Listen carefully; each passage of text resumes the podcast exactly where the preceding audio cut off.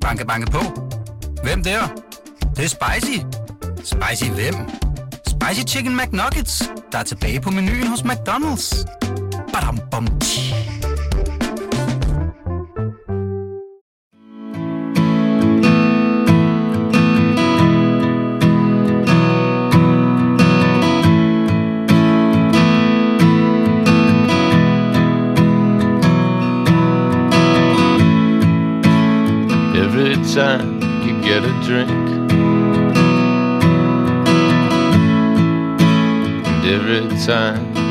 Sleep,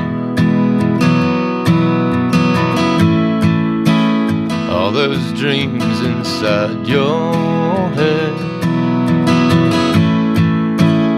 Is there sunlight on your bed? Every time you're driving home, way outside the safety zone. Wherever you will ever be, you're never getting rid of me. You own me. There's nothing you can do. You own me.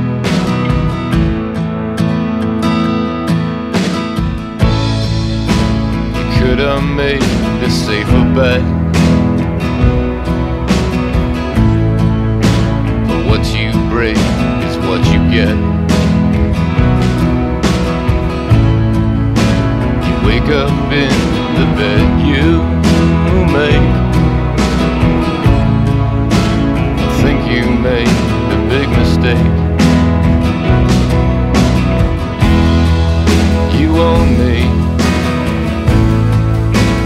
Nothing you can do. You own me.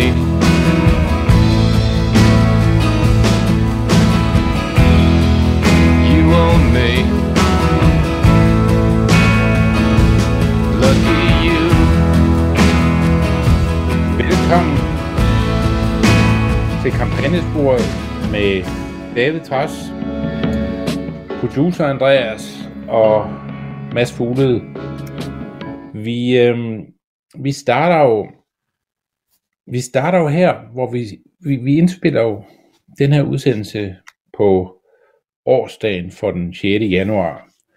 Og øh, der er der jo en masse snak om, om den dato, og jeg sad og kiggede her, da der var en, øhm, en højtidlighed i, øh, i senatet, hvor øh, man mindedes øh, i et, et minut stillhed øh, de politimænd, der døde, da, øh, da kongressen den blev, blev stormet.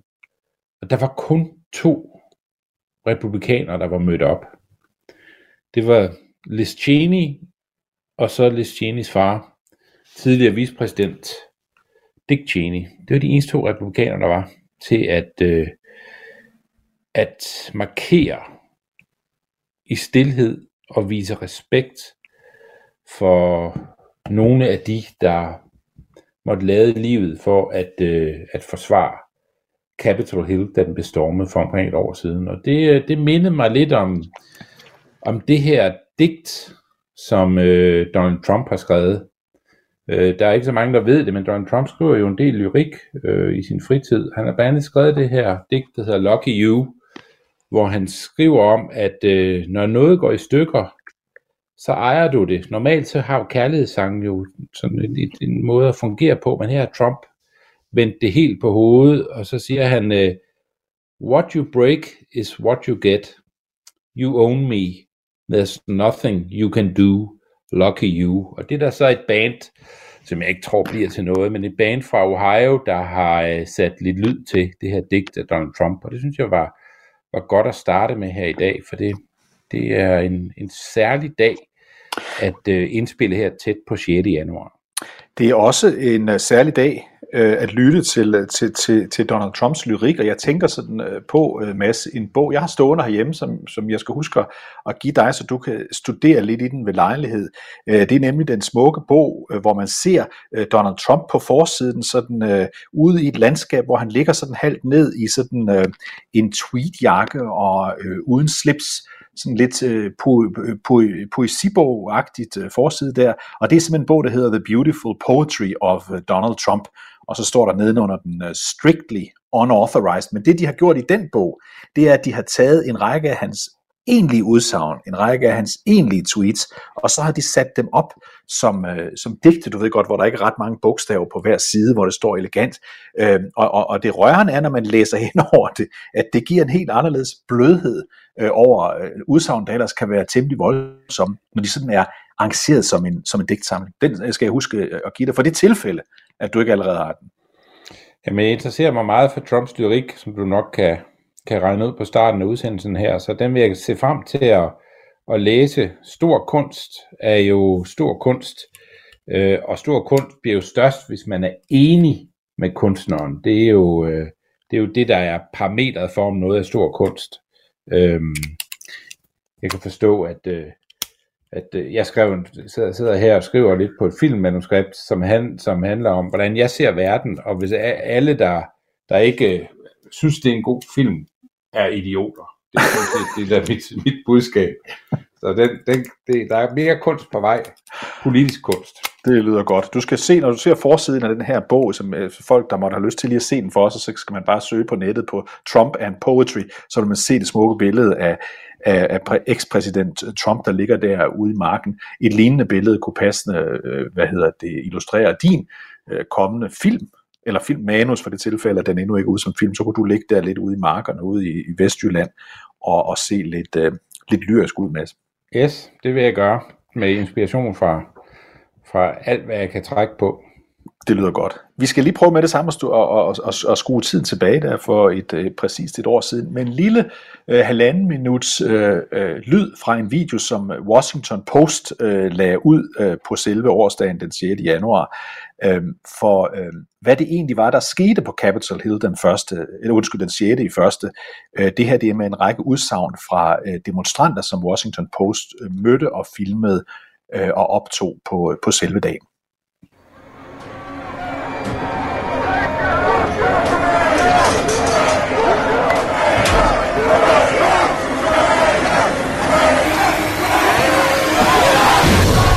Morning, everyone, and welcome to News 4 Today. Uh, the president is set to take the stage at 11 a.m. this morning. This election was stolen from you, from me. There's no way that Trump lost this election.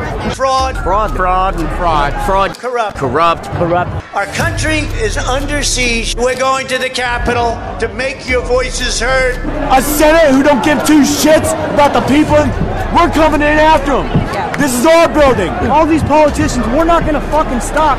We are not stopping until we take our country back. Because you'll never take back our country with weakness. You have to show strength and you have to be strong. The time to act is now. We know the military is on our side right now. We know that these people are ready to go. When you catch somebody in a fraud, you're allowed to go by very different rules.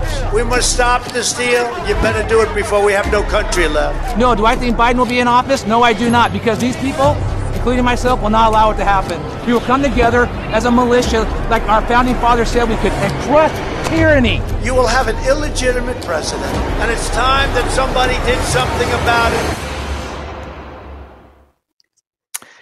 Ja, Mads, vi kan godt huske, når vi sådan lytter på ordene igen, hvor voldsomt det var, der den, øh, den, den 6. januar øh, 2021. Jeg tror for, for næsten alle, der sad og kiggede på det der udefra, inklusiv mig og givetvis også dig og alle andre danskere, så sad man og, næsten alle andre danskere, så sad man og kiggede på det der ikon, den amerikanske kongres, øh, blive angrebet. Man så øh, sydstatsflaget som en symbol på, på, på borgerkrigen i, i, i midten af 1800-tallet blive, blive, blive, blive hævet inde i øh, kongressen. Man så et angreb på demokratiet, det amerikanske demokrati, og på en eller anden måde tror jeg, vi alle sammen følte, det var ikke bare et angreb på det amerikanske øh, demokrati, det var på en eller anden måde et, et angreb på selve øh, symbolet for demokrati, og derfor var det en, en meget voldsom dag for, for næsten alle at følge der for næsten præcis et år siden.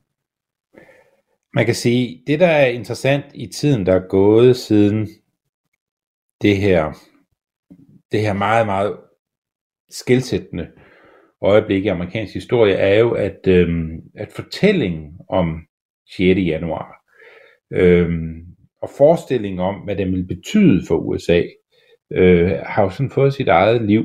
Øh, på den ene side øh, har man brugt mange kræfter på at, at, at, sætte sådan 6. januar ind i en, en ramme af kupforsøg og ringeagt for demokratiet og en masse andet, og det kan der være gode og mindre gode grunde til at gøre. Og på den anden side har man oplevet modsatrettede kræfter, der forsøger at, øh, at skabe en helt anden fortælling om, hvad det var, der skete den, den 6. januar, øh, og som øh, opfatter den som altså sådan øh, nærmest øh, som en begivenhed, der var styret af den venstreorienterede presse osv. Så, øh, så der er en, der er en, en, en, en voldsom øh, en voldsom kamp om historien i gang i, øh, i USA. Det der nok er, det vi må sige sådan, hvis man skal se på det lidt øh, sådan udefra køligt og sige, at, at heldigvis var det, der skete den 6. januar, øh, det var en, en enestående begivenhed, der ikke satte en gang i, i en, en, en række øh, mere eller mindre ek, ekstremistiske højrefløjsangreb på det amerikanske øh, politiske system. Der foregår nu en kamp i de enkelte delstater, hvor Trump medlemmer og mange af dem, der var med til at storme kongressen 6. januar og forsøge at blive en del af, af det øh, system, der afvikler valg i øh, USA, fordi deres fortælling er jo, at det, der satte dem i gang den 6. januar, var, at de var overbevist om, at nogen havde stjålet valgsejren fra deres kandidat Donald Trump, øh, og det vil de øh, nu modarbejde. Så der er faktisk rigtig mange af dem, der øh, er enten stiller op, eller forsøger at komme ind i de her øh, valgafhandlingsgrupper, øh, som findes i hver enkelt delstat i USA.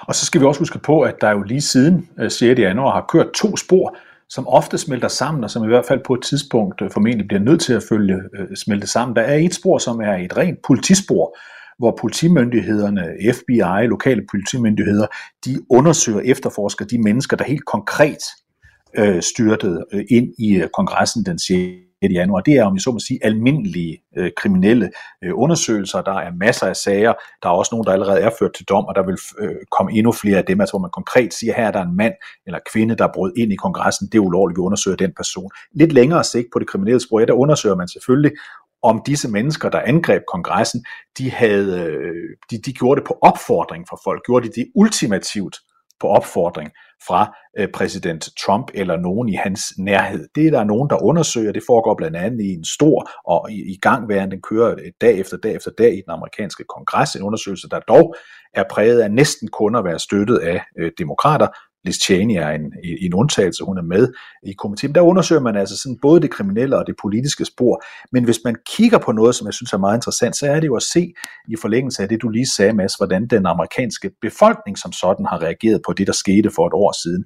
Fordi øh, der har været masser af meningsmålinger i den øh, forløbende uge, og de viser næsten alle sammen det samme billede. Nemlig at sådan cirka, cirka, eller knap 6 ud af 10 af alle amerikanere, de mener, at øh, præsident Trump han øh, enten øh, var øh, stærkt øh, ansvarlig, eller i hvert fald temmelig ansvarlig for det, der skete, altså stormløbet på øh, øh kongressen den, den, 6. den 6. Øh, januar sidste år. 4 ud af 10 republikanere, de er enige i det her udsagn, men det betyder altså også omvendt, at 6 ud af 10 republikanere, de siger, at præsidenten kun havde lille eller slet intet ansvar for det, der skete øh, den 6. januar. Altså 6 ud af 10 republikanske vælgere siger, at præsidenten intet ansvar eller kun meget lille ansvar havde. Det er selvfølgelig et stort tal, men vi skal lige huske på, at det var endnu større for præcis et år siden, for i dagene efter stormløbet, der var det altså 7 ud af 10 republikanere, der sagde, at præsident Trump intet eller kun lidt ansvar havde for, hvad der skete. Så der er en, en stadigvæk et meget stort antal republikanere, der støtter præsidenten i det her, men det er dog et faldende antal. I hvert fald må man sige, og det var også lidt det, der var bag sang, sangvalget her i, i starten, er, er det tydeligt, at øh, Trumps greb om det øh, republikanske parti, det var noget, man talte meget om, om 6. januar angrebet, at udfaldet på det måtte der være, at Trumps greb om det republikanske parti, at det ville blive svækket. At, og der var også i dagene derefter en del, der, Øh, der, der jo var ude og sige, at øh, det her, det går ikke, det der er sket her. Og vi kan jo se de her tweets, der er kommet ind løbende, mens det, det foregik, der, øh, der, der, der understreger den her øh, fortælling af, at i øjeblikket var der mange, der tænkte, det her det må betyde, at, at Trump er færdig. Lad os prøve som, at høre. Som en, som en, der dominerer sit parti, og det vil jo være synd at sige, at det er det, der er sket i året, der er gået. Ja, lad os prøve at høre nogle af de klip, der simpelthen kom i de øh, 8, 10, 12 dage, der fulgte efter 6. januar. Nogle af dem allerede fra den, fra den 7. januar, altså dagen efter. Det sidste lige klip, vi hører her, er fra, den, den, er, er fra 14 dage efter angrebet. Det er en række af de republikanske ledere. Vi starter med, med, øh, med Kevin McCarthy, deres leder i, i, øh, i, øh, i, i kongressen, og så hører vi ellers nogle af de andre ledere. Prøv at høre, hvad de sagde umiddelbart efter stormløbet den 6. januar sidste år.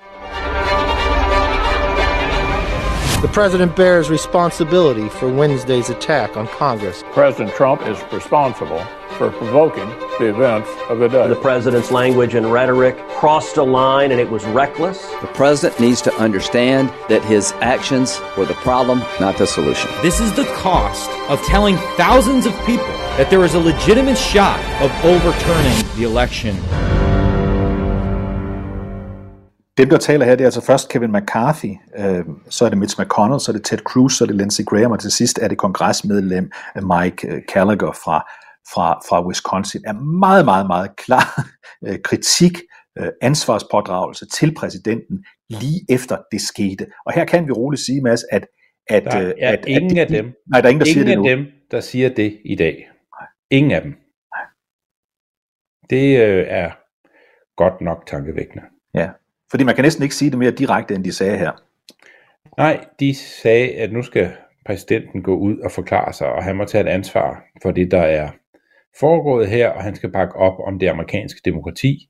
Øh, et overstået valg er noget, man skal respektere. Det var i bund og grund det, der var essensen af deres budskab. Øh, og når man så ser, at de ikke engang kan gå ned og mindes nogle af de betjente, der blev slået ihjel af den her folkemængde, da de øh, trængte ind i bygningen, øh, så, så bliver man lidt bekymret, hvis man ellers har sådan lidt forståelse for, og har haft, som jeg har, en ret stor veneration for det republikanske parti, som det så ud før Donald Trump trådte ind på scenen. Lad os lige høre øh, den ene kvinde, som du nævnte, der stod ved mindehøjtidligheden, Liz Cheney, der stod der sammen med sin far, 80-årige øh, Dick Cheney. Øh, hun er også, som jeg nævnte før, med øh, i den øh, komité, der undersøger, hvad der skete den 6. januar i kongressen, og det var hun også ret øh, ensom med som, som republikaner. Hun sidder sammen med en anden. Hun blev interviewet af George Stephanopoulos øh, forleden, da lad os øh, prøve at høre, hvad hun siger om det afgørende valg, som hun mener, som hun mener, at republikanerne står for. You're about as stalwart Republican as I've ever met. You come from a long line of Republicans as well. Of course, your father served uh, in the White House, your mother served in, in administrations as well. How do you explain, given your belief, your views, and your background, why a majority of Republicans today would reelect Donald Trump? Look, I, I think that um, we're in a situation as a nation where uh, I certainly have very strong disagreements with policies of the Biden administration. I think that, that the policies that Vice President President Biden has adopted uh, are the wrong ones for this country. I think we need conservative, principled leadership. But the Republican Party has to make a choice. We can either be loyal to our Constitution or loyal to Donald Trump, but we cannot be both. And the nation needs a Republican Party that is based on substance and values and principles.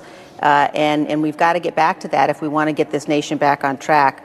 But fundamentally, at the end of the day, we, we can't be a party that's based on lies. We've got to be based on a foundation of truth uh, and, and fidelity to the rule of law. And in my view, the most conservative of conservative principles is fidelity to the Constitution. Ja, Liz Cheney, hun er jo, kan man roligt sige, Mads, øh, øh, fra at have været en mainstream øh, republikansk øh, politiker for ikke særlig lang tid siden, så er hun nu en, der er mange i resten af partiet bliver udråbt som en nærmest øh, partiforræder og venstreorienteret øh, galning der er kommet helt af sporet i forhold til at forstå, hvad der foregår. Hun siger, at partiet kan ikke både øh, gå ind for løgne og for øh, forfatningen. Partiet er nødt til at tage, øh, træffe et øh, valg der. Det er hendes budskab, som er blevet skærpet, han har sagt, måned for måned, der er gået i det år, vi har haft siden, siden 6. Øh, januar 2021. Og så er der mange af os, der synes, at øh, det kunne være fint, hvis der var flere i partiet, der ville, der ville tale så klart og utvetydigt om det republikanske partis fremtid, som Liz Cheney gør. Men det, øh, det er der ikke.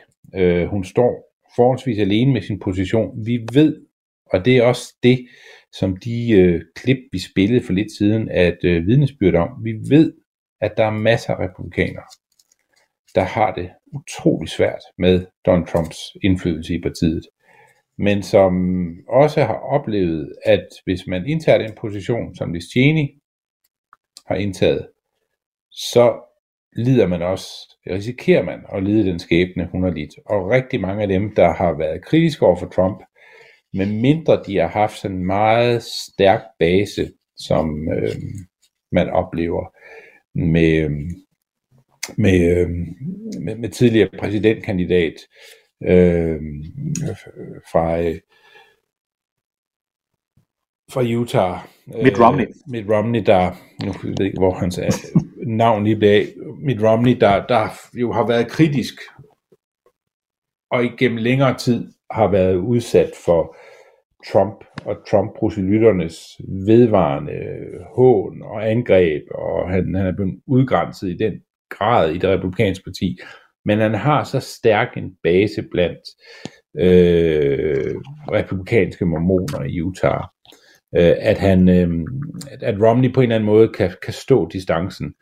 Jeg er ikke sikker på, at Liz Cheney kommer til at få genvalg, øh, og mange af de andre har valgt simpelthen ikke at, at stille op igen. Og det er jo lidt, hvis, altså, hvis man bare tager tallene fra, fra, den, øh, altså fra det, der skete 6. januar, så er der jo, altså der er jo mere end 700 mennesker, der er, er, er blevet øhm, anklaget på forskellige øh, vis for det, de er det, de har deltaget i. Altså, det er jo ikke, det er jo ikke en lille gruppe, det, det er en meget, meget øh, stor gruppe. De fleste af dem er selvfølgelig blevet anklaget for det her med, at de øh, er gået ind et sted, hvor de ikke skulle være gået ind. Og det kan man sige, det er sådan i den, i den mildere del af det. Der er mere end, end 30-40 af dem, der er blevet øh, anklaget for, at de har taget noget inde fra kongresbygningen øh, i forbindelse med, at de er, er gået derind. Og så er der 40 af dem, øh, eller mere end 40 af dem, der er, der er blevet øh, anklaget for konspiration, altså en konspiration mod det amerikanske politiske øh, system. Øh, og 50 af dem er blevet øh, anklaget for, for herværk, og der er øh, 75 øh, der er blevet anklaget for at bruge øh, våben som øh, mod øh, ordensmagten, øh, våben der kan der kan så vi slå folk øh, ihjel, øh, og øh, 225 af dem er blevet anklaget for, at de har forsøgt at angribe øh, øh, ordensmagten, øh, og 275 af dem er øh, blevet anklaget for at obstruere øh, forsøget på at, øh, at øh, få øh, The Electoral College øh, til at øh, erklære øh, Øh, Biden som, som, som vinder af valget. Så vi har jo, altså alle de her, de her tal, de taler jo sådan et tydeligt sprog, der går i en retning. Og selvom der ikke er faldet dom endnu, øh, så kan det være meget svært og øh, i alle sagerne endnu, så, så kan det være meget svært sådan at, at bare læne sig tilbage og lade som om, at det her, øh, det skal man som parti ikke tage ansvar for. Og det her skal vi forsøge som partier i talesætte som øh, endnu et forsøg fra demokraternes side på, sådan at, øh, at øh, sværte det republikanske parti til. Øh, det, det, det, der gør, at man bliver sådan lidt øh, forknyt, især når man er, altså jeg har, tror jeg, i, i, hvis jeg kigger tilbage på de sidste mange præsidentvalg, øh, så har jeg jo i hvert fald i halvdelen af dem øh, haft en republikaner som min favoritkandidat. Det er jo sådan lidt delt imellem de to partier, men det, vi tror, det er sådan cirka er 50-50, og det er faktisk meget svært at have, øh, at have så, så stor en, en, en, en forståelse for øh, nogle udgaver af det republikanske parti, og så se, at man står øh, med en så lille flok, som den øh, Liz Cheney repræsenterer, og, og sige, de her tal, jeg lige fortalte om før, det, det er ikke nogen, vi bare kan lade som ingenting. Øh, vi kan ikke bare lade som ingenting. Vi bliver nødt til som parti øh, at, at, at sige, det er et løgn. Der blev ikke forsøgt et demokratisk tyveri ved sidste præsidentvalg. Der, har, der er ikke en konspiration imod øh, Donald Trump, som har foldet sig ud. Nu skal vi videre, og øh, så må vi se, om vi kan vinde det næste valg lige så ærligt, som Joe Biden vandt det sidste valg. Og det vi lige skal huske på også, for dem der måtte have glemt det, det var, at uh, talmæssigt var det ikke noget tæt valg. Præsident uh, Biden vandt med 7 millioner stemmer øh, øh, over, øh, over øh, Trump. Det hed 81 millioner til Biden og 74 millioner til øh, Donald Trump. Det var tæt i nogle af, af svingstaterne, og derfor det afgjorde det, det amerikanske system, som vi har talt om så mange gange, men det var en ganske øh, klar sejr, også i de delstater, som man øh, kalder svingstaterne, som man diskuterede meget på det her tidspunkt. Bare lige for at vende tilbage til vores øh, veninde der, øh, Liz Cheney, du nævnte før, hun har en grum, øh, hun øh, er udsat for en grum skæbne. En ting er jo, at hun er blevet frosset ud øh, af det gode selskab hos republikanerne inde i kongressen i Washington D.C., men hun er i den grad også udsat for et, øh, et hårdt øh, angreb hjemme i Wyoming, øh, hvor øh, der skal være primærvalg her i foråret og sommeren øh, til posten som øh, kandidat for republikanerne øh, til det øh, øh, sæde, som Liz Cheney har, der er jo valgt til repræsentanternes hus hvert andet år, og der bliver hun øh, øh, udsat for en, en, en voldsom kampagne og meget stærke modkandidater. Den mest sådan, øh, berømte, hun hedder Harriet øh, Hageman, og hun er, øh, hun er øh, advokat selv. Hun støttes af præsident Trump, øh, Øh, som betragter det her primærvalg for at få Liz Cheney ud som det allervigtigste op til valget i 2022, midtvejsvalget i 2022, og hun støttes også af nogle af de allerstørste donorer, øh, som støttede øh, præsident øh, Trump i hans øh, valgkamp. Så hun har, der er grund til at tro, at hun mister Øh, sin position som kandidat for partiet, og derved ikke engang får lov til at stille op for republikanerne til, til midtvejsvalget øh, i, øh, i november måned. Så det, det er ikke bare udfrysning og udskamning af ledelsen i Washington D.C., det er bestemt også et angreb hjemme i øh, den lille, befolkningsmæssige lille øh, delstat Wyoming. Og det er det, som man er oppe imod. Og det er derfor, øh, det, det er derfor snakken om, om, hvad der skete den 6. januar, lige så meget en snak om, hvad der er sket med det republikanske parti.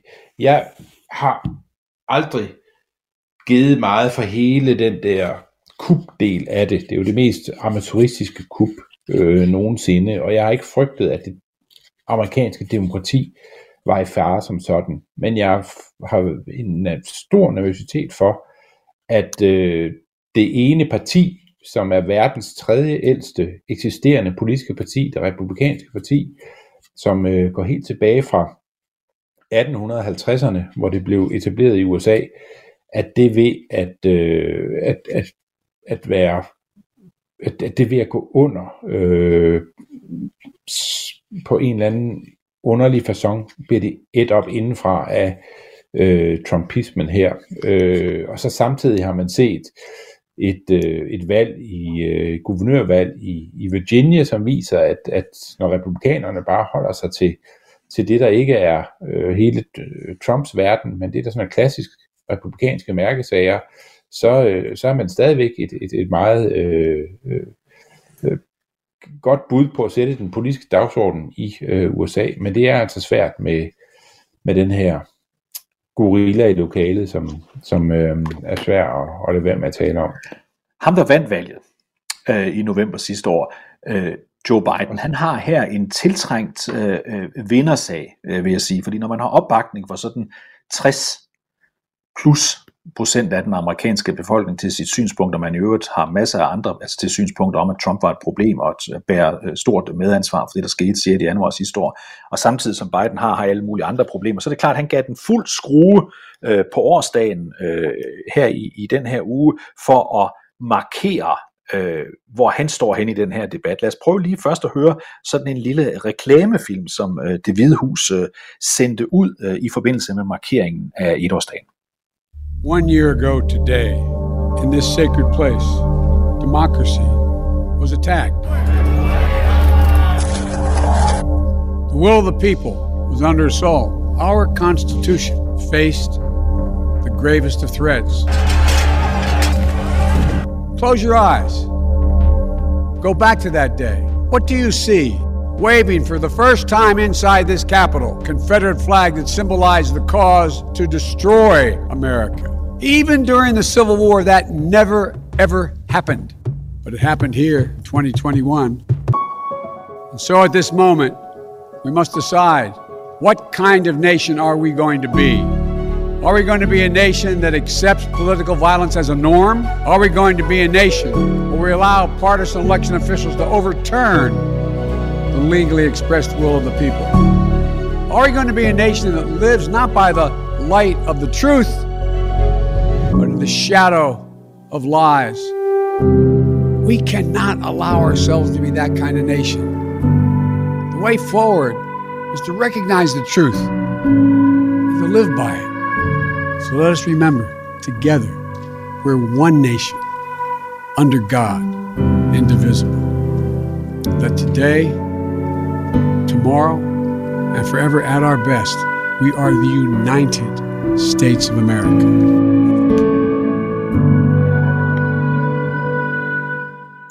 Ja, det sidste Joe Biden han siger her, det er sådan noget, som amerikanske politikere og præsidenter i al almindelighed øh, meget ofte siger, når de taler om vigtigheden af at forene øh, USA, så bruger de altid øh, understreger og udtaler meget tydeligt, these United States of America, altså at vi er et, et, et, en, en samlet nation. Det her lyder næsten, efter min mening, som den måde, vi hørte Joe Biden føre valgkamp på, øh, i november 2020, øh, nemlig at det her handler om Amerikas sjæl. Det var som bekendt det, han sagde, da han meddelte i sin tid, at han ville være præsidentkandidat. Det er, det er, det er en kamp om Amerikas sjæl, så han kører den helt op på den her klinge igen, fordi her, her har han faktisk et, øh, et, et, et, et synspunkt, som, øh, som, som han har mere end halvdelen af den amerikanske befolkning øh, støtte til at sige.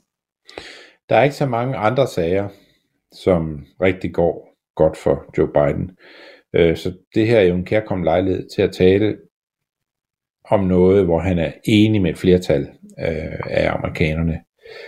Øh, og det vil vi jo, og han holdt en tale i forbindelse med med øh, den her triste årsdag, øh, som jeg øh, egentlig nok synes er den, er den mest øh, vellykkede. Der har ikke været så mange rigtig gode Biden-taler, og han har ikke holdt så mange taler, øh, men men det her var nok den mest vellykkede, jeg har hørt fra, fra, Bidens, øh, fra Bidens hånd.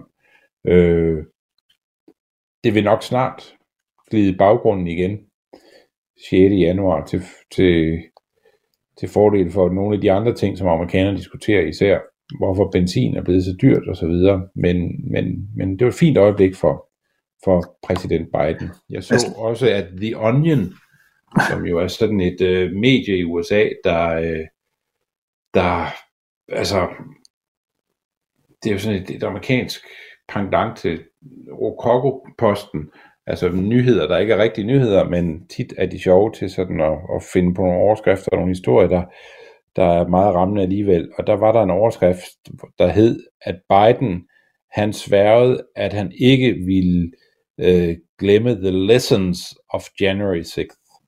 Og så stod der kolon, at uh, han, hans, det han havde lært af January 6, det var, we must hang Mike Pence. øh,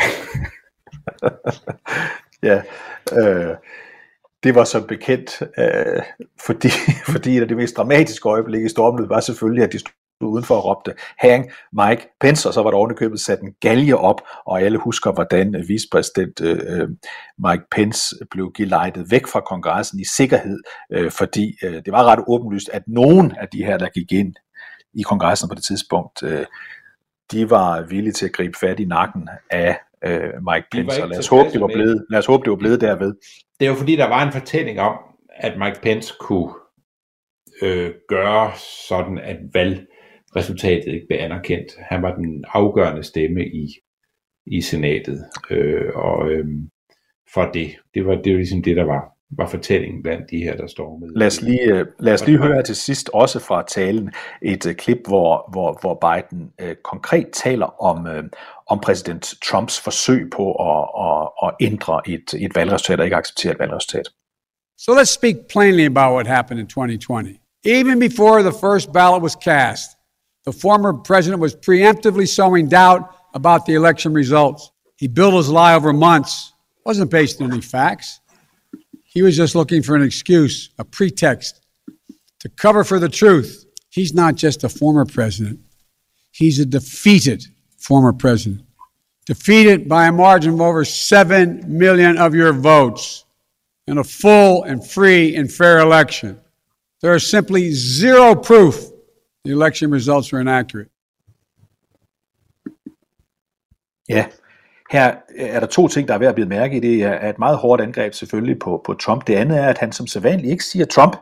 Han siger bare the former president. Det er som om, at han kan ikke sige ordet øh, Donald Trump eller Trump øh, øh, præsident Biden. Han siger altid bare the former president. Men her er det altså et, et, et, et, et trods alt meget øh, direkte angreb. Det er et håb om selvfølgelig fra Bidens side, om at minde alle de folk, der måtte sådan have lavet øh, 6. januar begivenheden trænge lidt i baggrunden af de andre emner, du nævnte lige før, Mads, for eksempel stigende energipriser, stigende inflation, mange andre problemer. Det er et, et, et håb om, at han sådan kan minde folk med jævne mellemrum om, hvilken frygtelig øh, præsident, der sad øh, før ham. Det gjorde han med øh, fuld trompet øh, og akkompagneret af, af strygerne, øh, alt det, det kunne trække øh, den 6. januar. Det var sådan et, et øjebliks øh, påmindelse om, hvad det var, der skete sidste år, og hvilken øh, rolig mand Joe Biden er, øh, ifølge eget udsagn. Lige præcis. Vi skal også lige høre, Mads, bare lige ganske kort, vi skal ikke spille hele klippet, men vi har et lille klip med Kamala Harris, fordi der tales så meget om hende. Hun holdt også en tale, jeg synes bare, vi skal bare lige høre sådan 10 sekunder af den, for at høre, øh, hvad jeg synes, man kan illustrere med den tale, at, øh, at hun lyder ikke som en selvsikker politiker lige nu. Prøv at høre, hvad hun siger ved kongressen 6. januar. What was at stake then and now is the right to have our future decided the way the Constitution prescribes it by we, the people, all the people. We cannot let our du, kan du høre? Man kan høre her, synes jeg, at, at det er altså ikke en vicepræsident, der, der sådan har ordet i sin magt her. Hun står næsten og ser skræmt ud, mens hun står og holder den her tale. Hun siger nogle ting, hun læser det op fra en, fra, fra en, øh, fra en teleprompter, kan man tydeligt mærke. Men øh, hold op, hvor hun sådan er skubbet lidt ud i periferien og, og, øh, og har svært ved at, at erobre nogen form for position i amerikansk politik i øjeblikket. Det er jo i hvert fald også det, man taler meget om. At uanset hvad Biden beslutter sig for at gøre med muligheden for at genopstille, eller være med at genopstille næste gang, der skal være præsidentvalg i USA, så er der ikke mange, der har Kamala Harris som, øh, som favorit til at, øh, at være den, øh, der i så fald skulle øh, repræsentere demokraterne, hvis, hvis, øh, hvis Biden skulle vælge at sige, at nu det, var, det har været nok med bare én øh, periode som præsident.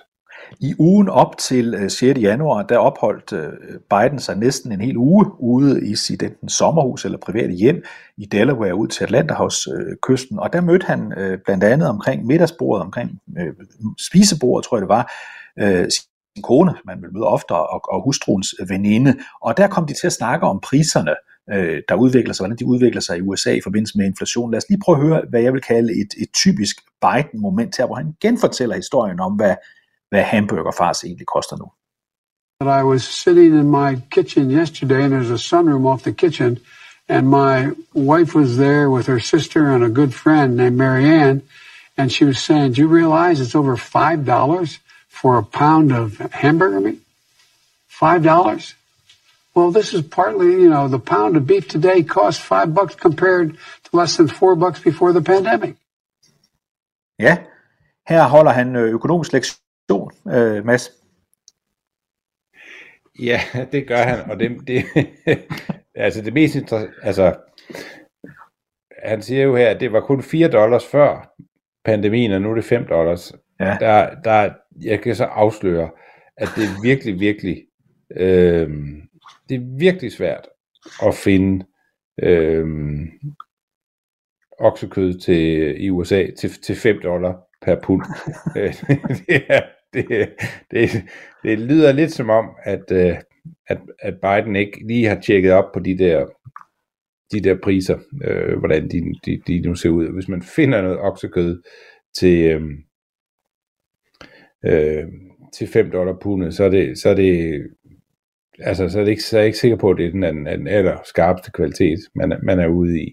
Og noget det, andet, han, og, og noget han, andet, gjort, han blev gjort meget til grin over det her klip. Jeg, jeg synes jo, der er to ting i det, for den ene ting er selvfølgelig det, du der siger. Øh, det andet er jo, at han sådan set også kommer til at illustrere, at øh, selv hvis dette eksempel er rigtigt, så er priserne altså steget fra 4 til 5 øh, dollar for et pund fars, som er det, man bruger til at lave hamburgers med. Så det er jo på en eller anden måde også en, en, en understregning af, at ja, vi har sørme en, en, en galopperende prisstigninger i det her land, og det er jo ikke godt, når man er præsident. Øh, nej, det er det ikke. Og, og slet ikke, hvis de rigtige priser ikke er fra 4 til 5, men mere fra 4 til 7 eller 4 til 8 dollars, så, øh, så ser det jo lidt anderledes ud. Mads, lad os slutte denne øh, udsendelse af med øh, en historie om en politiker, som man måske ikke hører så meget om i det daglige, men som har fyldt ganske meget i amerikansk politik i ganske mange år, nemlig Bobby Rush. Han er 75 år gammel. Han har siddet i øh, kongressen, valgt i Illinois, siden 1992. Han er tidligere Black Panther-leder. Øh, han er sådan set gået sådan en, en rute fra at være en ret radikaliseret øh, politisk aktivist til at være et, øh, et, øh, et, et, et forholdsvis øh, øh, øh midtersøgende Øhm, øh, demokratisk medlem af kongressen i ganske mange år. Han træder nu tilbage på grund af alder. Han siger, at jeg vil gerne have, at mine børnebørn de kan huske mig for andet end tv-klip på, på, på YouTube, som de kan finde i sin tid, at de også har tid til at, til at møde mig. Så derfor så stopper han, så han stiller altså ikke op øh, til midtvejsvalg, efter han altså har vundet uafbrudt og med meget stor margin øh, siden 1992. Og så har han jo, øh, Mads, øh, skrevet sig ind i den store historiebog, fordi han tilbage i 2000, år 2000, var udsat for et, en udfordring ved øh, primærvalg i sit parti. Det var han. Altså, han blev jo regnet som sådan en, man, øh, som ville være, være svær at slå, på grund af, at han, han har den her stærke fortælling, Bobby Rush. Men, men der var i, i, øh, i slut 90'erne en øh, politiker, der bullerede afsted i Chicago, der hed Barack Obama. Og man havde besluttet sig i kredsen omkring Barack Obama, at øh, Illinois første congressional district, øh, det skulle være Obamas, og det skulle være Obamas vej til en national politisk øh, karriere. Øh, det, var, det var simpelthen der det hele skulle begynde, og Obama stiller op mod Bobby Rush, fører en valgkamp, hvor han bruger mange flere penge, end Bobby Rush har, og får læsterlig tæv. Bobby Rush får øh, mere end 60 procent øh, af stemmerne. Obama får øh, en, en bræt opvågen. Så den her Wonderboy, Obama senere bliver til, øh, startede altså øh, sin politiske karriere med et, øh, et nederlag til Bobby Rush. Og i mange år blev det her opfattet blandt nogen som et, et tegn på, at afroamerikanere ikke ville opfatte Obama som en rigtig sort mand. Det har altid været sådan en diskussion, der var der, at øh, hvis man skulle være rigtig sort, så skulle man øh, være sådan af Bobby Rush udgaven, og ikke øh, søn af en, øh, en migrant øh, og en øh, hvid kvinde, øh, at det var ikke, det ville ikke blive øh, accepteret blandt øh, blandt øh, sorte vælgere i, i USA. Og hvis valget i 2000 øh, viste, at der kunne være noget om den snak, så viste Obama snart øh, tydeligt, at, øh, at, øh, at øh, det var en engangssvipser øh, nederlaget til Selvom, selv, selv, selvom øh, David Axelrod, en af dem, der var med Obama helt fra starten og var med i det hvide hus også, og i dag er politisk kommentator på blandt andet CNN, øh, han, var ude, han var ude at sige den her uge, da, da Bobby Ross han trak sig, at Barack Obama sådan lige i, i dagen, ugerne efter nederlaget, hvor altså, som du siger, øh, Ross slog ham stort, han slog ham faktisk, han fik dobbelt så mange stemmer simpelthen, som, som, som Obama, der, der, var, der var Obama bange for, at, at hans politiske karriere, den var, den var simpelthen slut, inden den overhovedet om jeg så må sige, noget, i hvert fald hans nationale politiske karriere, at den var slut, inden den overhovedet nåede øh, at tage fart. Og han lærte en ting, Obama af det, i øvrigt, har Obama siden fortalt, at i den valgkamp, der virkede jeg, har Obama fortalt, sådan lidt for distanceret i forhold til vælgerne, mens Bobby Rush, han var en, der kunne tale øh, direkte til vælgerne. Øh, så han lærte af det. Han sagde, at han skulle øh, blive en person, øh, der lyttede lidt mere, øh, hørte lidt mere efter, hvad, øh, og engageret sig lidt mere i de problemer, ikke bare havde sådan den der professorale tilgang til politik, som, som Obama øh, altid har haft en fli af, og som dem, der ikke kan lide ham, øh, øh fokuserer meget på. Man har altid sagt om Obama, at øh, jo længere væk man stod fra ham, des mere imponerende en kandidat kunne han virke som. Men omvendt, jo tættere man kom på ham, des mindre imponerende en kandidat kunne han virke som. Øh, og, og det var nok det, som valget i 2000, hvor Bobby Rush han øh, tørrede gulvet med Obama, også demonstrerede, at øh, Obama er god på tv, han er god i store øh, arenaer, han er ikke så overbevisende, når man øh, møder ham øh, en kold morgen på øh, det loka- foran det lokale supermarked, øh, øh, hvor han står og deler flyers ud. Men, men der var Bobby Rush anderledes øh, øh, en typisk retail politician. Og hvis nogen så skulle tænke, kan det her betyde, når Bobby Ross han trækker sig, at øh, republikanerne kan få en chance for at snuppe øh, det mandat, som, øh, som Bobby Ross han har siddet på sikkert siden 1992, så kan vi roligt sige, at det kommer ikke til at ske, før Schweiz bliver et lavland. Øh, fordi det, der hedder det første distrikt i Illinois, det er sådan skåret ned fra sydspidsen af Chicago, og så et stykke ned i, US, ned i, i Illinois delstaten, i områder, hvor der for det første næsten kun bor demokrater, og hvor øh, langt øh, hovedparten af dem faktisk er sorte demokrater. Så det her det er et område, hvor ikke bare demokraterne næsten med garanti vinder igen, der er næsten også garanti for, at det bliver en ny øh, sort kandidat, der kommer ind som Bobby Rosses afløser. Ja, det er det distrikt, der er skruet, det er jo gerrymandering, når det er aller fineste her. Det, der er intet naturligt over Nej, Illinois første congressional district, district, men det er skruet sådan sammen, at der altid lige er sådan mere, lige over 50 procent, der er afroamerikanere i, øh, i øh, Illinois første congressional district, og det gør, at det kan man ikke røre ved, øh, hvis man ikke er er republikaner, man kan, hvis man ikke er demokrat, og man kan heller ikke røre ved det, hvis man øh, ikke er øh, afroamerikaner som kandidat. Vi siger tak, Mads Fuglede, producer Andreas og jeg, David Træs, for denne uges udgave af Kampagnespor. Vi er tilbage igen næste uge. Banke, banke på. Hvem der? Det, det er spicy. Spicy hvem? Spicy Chicken McNuggets, der er tilbage på menuen hos McDonald's. Badum, bom, tji.